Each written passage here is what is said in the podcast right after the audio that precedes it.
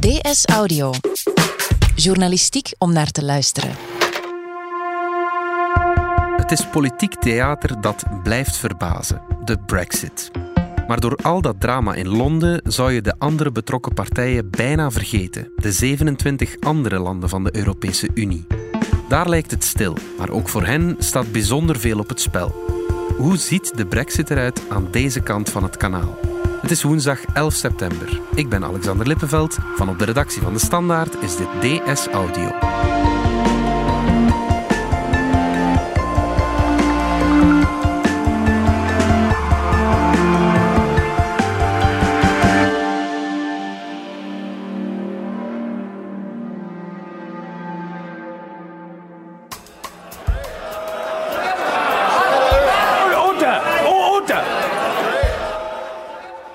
Bart Bijland, buitenlandjournalist bij De Standaard. Als het over de brexit gaat, dan kijken we met z'n allen naar Londen. Eh, want het is voornamelijk daar dat het hele drama zich afspeelt natuurlijk. En het hele politieke theater. Ja, wat we daar eh, de afgelopen jaren hebben gezien is niet meer natuurlijk. Hè. Het is eh Shakespeareaans drama. hè. Ja, ja. Het begint de dag na het referendum. Premier David Cameron stapt op. The British people have made a very clear decision to take a different path. And as such, I think the country requires fresh leadership to take it in this direction. Dan wordt Theresa May premier. Brexit means Brexit. En zij zegt, binnen twee jaar moet het Verenigd Koninkrijk uit de Europese Unie stappen. And we're going to make a success of it. May sluit dan een akkoord met de Europese Unie. The eyes to the right, 286. Maar tot drie keer toe The nose to the left, 344. verwerpt haar eigen parlement dat akkoord. So the nose have it, the nose have it. Unlock.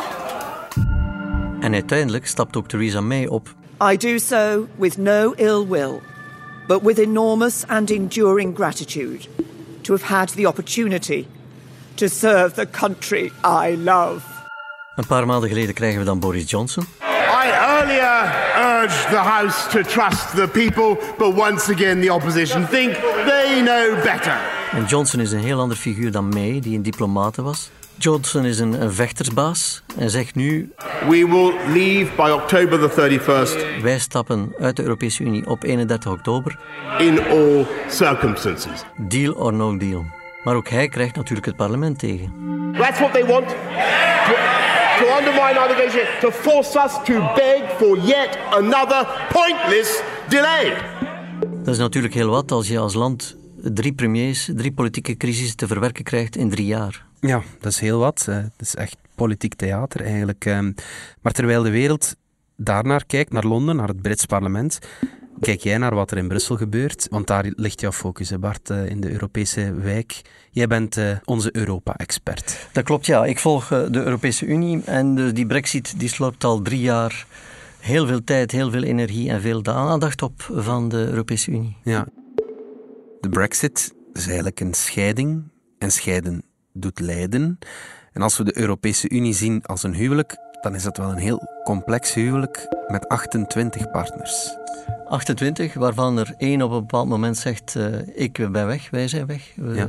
Ja, als we, sluiten de deur. als we dat beeld doortrekken van die scheiding, had iemand die eigenlijk zien aankomen in Europa? Niemand. Iedereen dacht en hoopte dat de reden het alsnog zou halen op de, op de emotie. Ja. Eh, bijvoorbeeld Jean-Claude Juncker, de voorzitter van de Europese Commissie, had nauwelijks een, eh, een toespraak eh, voorbereid voor het geval van een brexit. Ja. Ook hij ging ervan uit dat ze, dat ze erin zouden blijven. We now expect the United Kingdom government to give effect to this decision of the British people as soon as possible, however painful that process may be.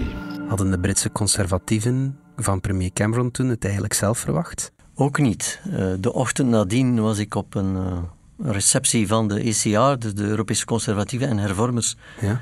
waar de Britse conservatieven bij horen. Die waren ook van slag. Die hadden helemaal niet verwacht eh, dat ze gingen moeten commentaar geven op een brexit. Die hadden gedacht, wij blijven erin. En de echte eurosceptici, zoals die Nigel Farage, dat is een heel uh, berucht man. Hè? Ja, Nigel Farage, dus de, die toen de voorzitter was van UKIP en de, de, de top brexiteer, om zo te zeggen. Ja. Ook hij had de avond voordien gedacht, of gezegd op de radio, dat hij, dat hij ervan uitging dat het een verloren zaak was. Omdat er ook een peiling in die zin was. Maar de dag daarna klinkt hij heel blij. June the 23rd needs to become a national bank holiday and we will call it Independence Day. was heel wat verbijstering. Een verbijstering alom, ja. Ook bij David Cameron, de Britse premier. Want hij had verteld aan uh, Juncker, het komt goed. Ja. Hij had dus onderhandeld met de Europese Unie om een aantal toegevingen binnen te krijgen. Ja. Onder andere over migratie. Er was al een soort relatietherapie. Eigenlijk. Er was een relatietherapie. De relatie is altijd moeilijk geweest natuurlijk tussen de Britten en de Europese Unie. Ja. En hij krijgt dus die toegeving en hij zegt tegen Juncker: Oké, okay, uh, daarmee kan ik uh, terug naar de Britten. Het lukt. En hij had alleen gevraagd aan Juncker om zich zo weinig mogelijk te moeien, omdat hij dacht dat dat uh, nadelig zou werken. Ja. Cameron had dus dat, dat risico genomen natuurlijk door het referendum te organiseren, maar hij ging ervan uit dat hij het zou winnen. En dat hij voor eens en voor altijd die Brexiteers eigenlijk het zwijgen ging opleggen, ook binnen zijn eigen partij. Want daar, de Britse conservatieven werden opgezweept door Farage. En hij dacht dus om, om daar voor eens en voor altijd een punt achter te zetten, zodanig dat hij voort kon in Europa.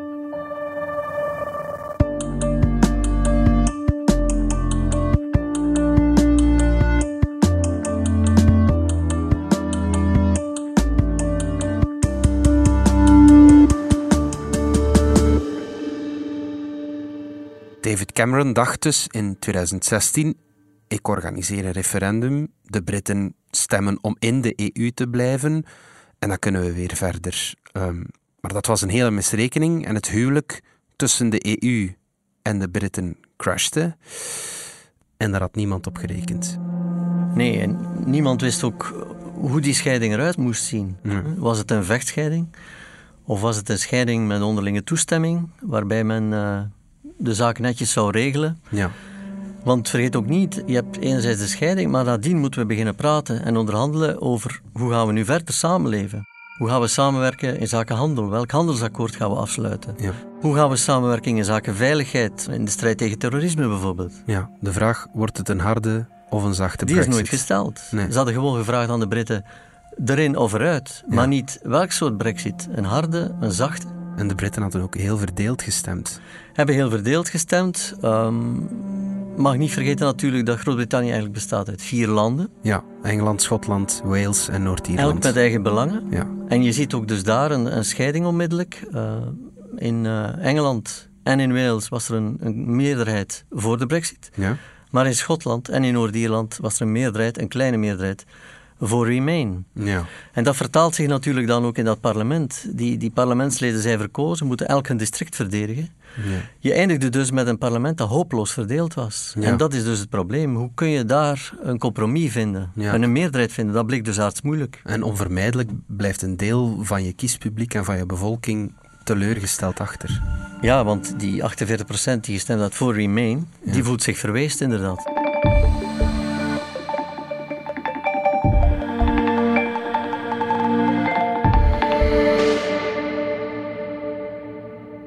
In de scheiding die de Brexit is, kan je dus zeggen dat Groot-Brittannië een partner is met toch wel serieuze issues. Um, wat is de Europese Unie dan? Dat is ook niet één partner, het zijn er 27.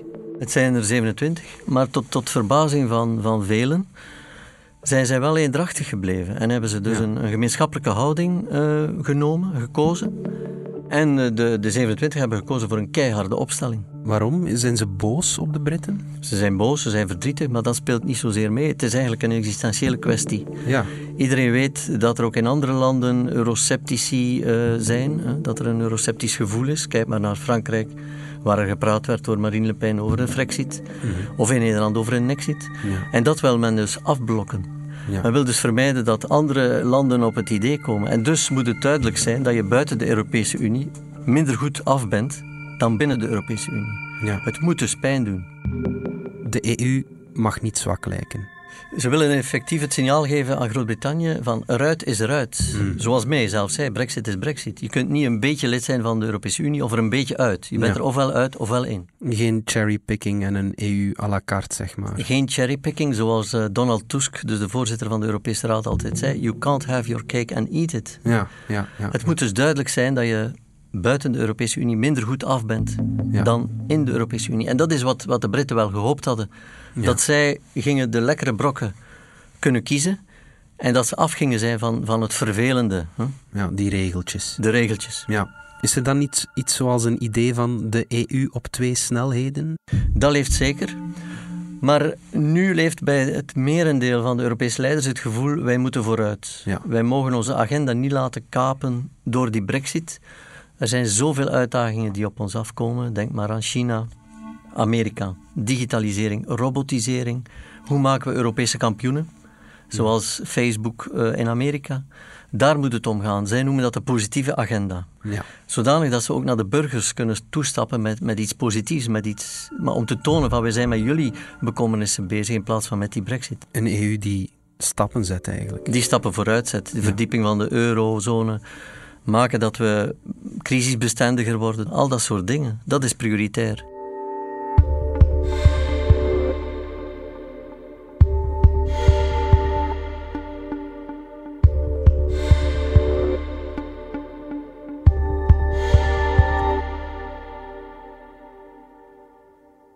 Je zegt Bart, voor de EU is dit existentieel.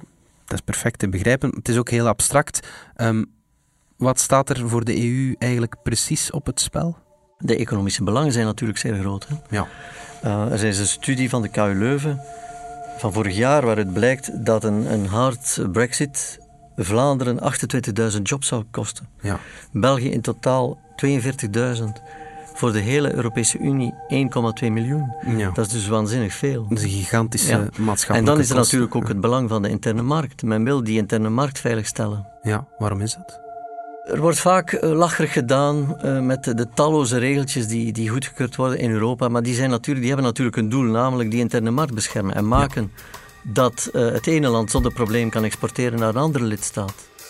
Neem nu bijvoorbeeld de, de, de landbouwproducten. Ja. Als het Verenigd Koninkrijk morgen een handelsakkoord afsluit met de Verenigde Staten en daarin staat dat de Verenigde Staten hormonenbiefstukken kunnen exporteren of kloorkippen kunnen exporteren naar Groot-Brittannië, dan moeten wij absoluut voorkomen, ook voor de voedselveiligheid, dat die niet binnenkomen in de eh, interne markt, op de Europese markt. Maar als Groot-Brittannië uit de EU stapt in een harde brexit, dan zijn die regels van die interne markt niet meer van toepassing op hen. Als je de EU verlaat, zit je met een buitengrens. Hè? Ja. En dan heb je dus controles nodig, eh, douanecontroles, douanetarieven, Om die markt te beschermen. om die markt te beschermen. Ja. Ja, maar dat brengt heel wat moeilijkheden met zich mee. Dat brengt extra controles mee natuurlijk. Hè. Ja. België ook heeft extra douaniers moeten eh, aanwerven. En ook intern in Groot-Brittannië. Maar intern eh, blijkt duidelijk dat dat ook niet zo simpel is. eh, maar daar hebben ze nooit aan gedacht. Maar het probleem natuurlijk van de Noord-Ierse grens, of de grens tussen Ierland en Noord-Ierland. Waarom is dat zo'n acuut probleem? Wel, het Goede Vrijdagakkoord dat afgesloten werd in 1998 maakte een einde aan de burgeroorlog in Noord-Ierland. Ja. Maar daarin staat ook dat er geen harde grens mag komen tussen Noord-Ierland en Ierland. Dat er vrij verkeer is. Er moet vrij verkeer van personen blijven. Ja, maar bij een harde brexit is er wel zo'n harde grens en geen vrij verkeer van personen meer, want Ierland blijft wel een deel van de EU, Noord-Ierland niet.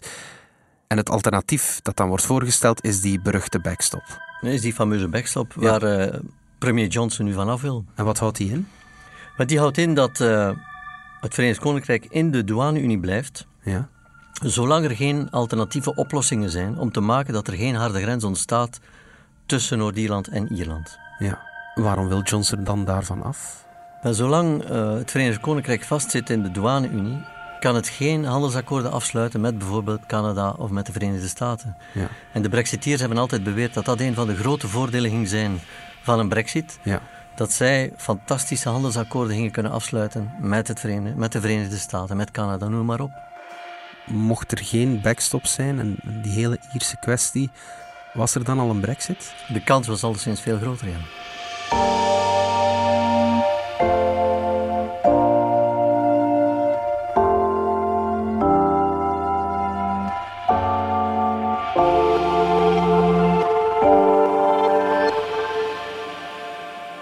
We zijn zo terug.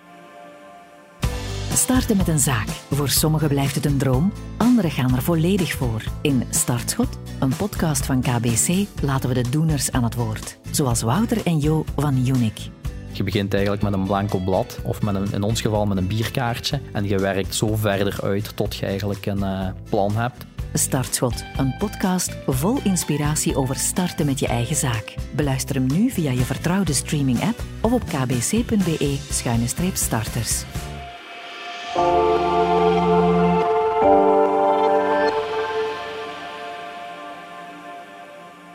De Europese Unie speelt het hard, zeg je Bart. Maar maak dat eens concreet. Hoe pakt de EU die brexit-onderhandelingen in de praktijk aan? Verrassend eensgezind. Ja. Iedereen had gedacht dat uh, de 27 uit elkaar gespeeld zouden worden. Groot-Brittannië heeft dat ook geprobeerd. Mm -hmm. Maar verrassend genoeg zijn ze daar niet in geslaagd.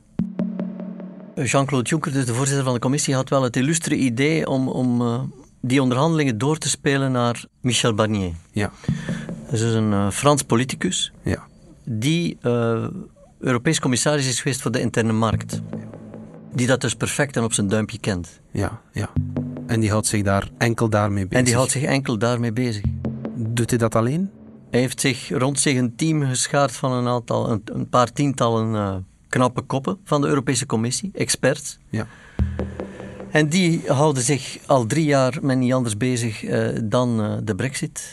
Het uh, terugtrekkingsakkoord, de mogelijke voorbereidingen op een no-deal, noem maar op. Ja, ja. En ze hebben een apart kantoor in het gebouw van de Europese Commissie, waar je niet zomaar binnen raakt. Je moet dus een speciale badge hebben.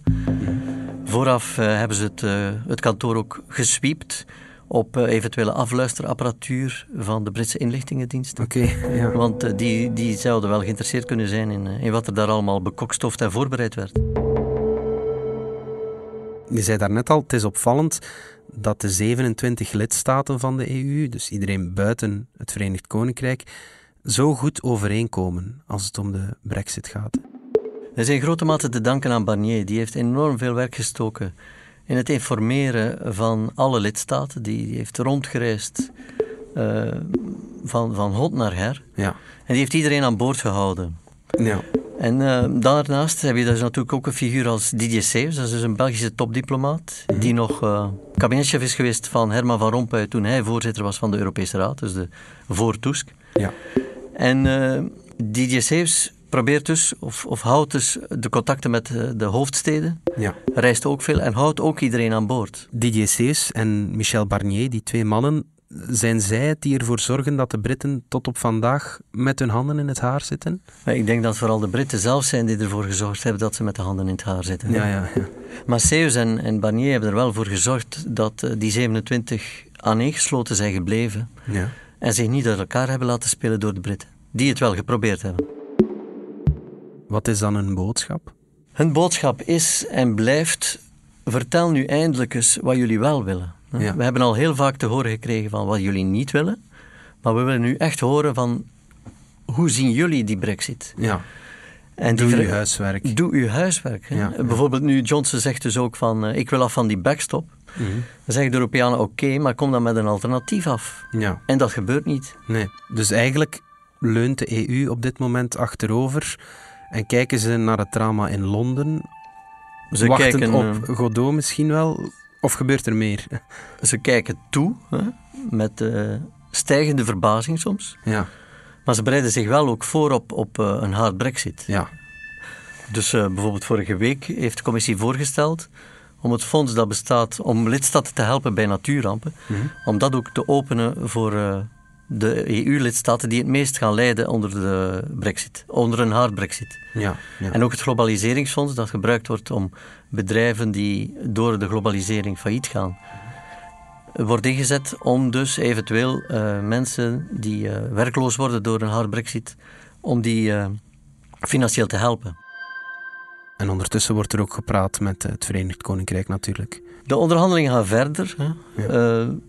Er zit in die zin schot in dat ze nu al twee keer per week, in plaats van één keer per week, praten met uh, David Frost, dat is de Sherpa van Boris Johnson. Ja.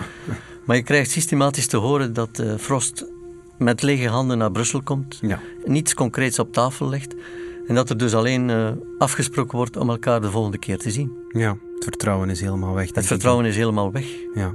De EU is de brexit helemaal beu. Dat gevoel uh, leeft steeds breder. Ja. En onder uh, invloed van uh, de Franse president Macron hm. is iedereen er ook meer van overtuigd geraakt dat men moet vooruitkijken. Dat de EU aan haar eigen agenda moet werken. Wat gaan wij doen de komende jaren voor die burgers om de Europese Unie sterker te maken? In plaats van ons te laten gijzelen, telkens opnieuw door die brexit-onderhandelingen. Ja, liever de korte pijn. Liever en desnoods de korte pijn, ja. Ja, goed. Bart Bijland, dankjewel. Dit was DS Audio. Wil je reageren? Dat kan via dsaudio.standaard.be. In deze aflevering hoorde je Bart Bijland en mezelf, Alexander Lippenveld. Ik deed ook de redactie, net als Fien Dillen. Pieter Schrevens deed de audioproductie, Brecht Plasgaard schreef de muziek die je in deze podcast hoorde. De eindredacteur is chef audio Wouter van Driessen. Vond je deze podcast interessant? Weet dan dat je er elke werkdag één kunt beluisteren.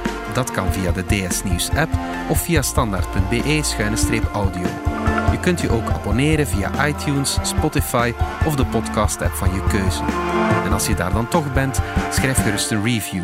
Zo toon je ook anderen de weg. Morgen zijn we er opnieuw.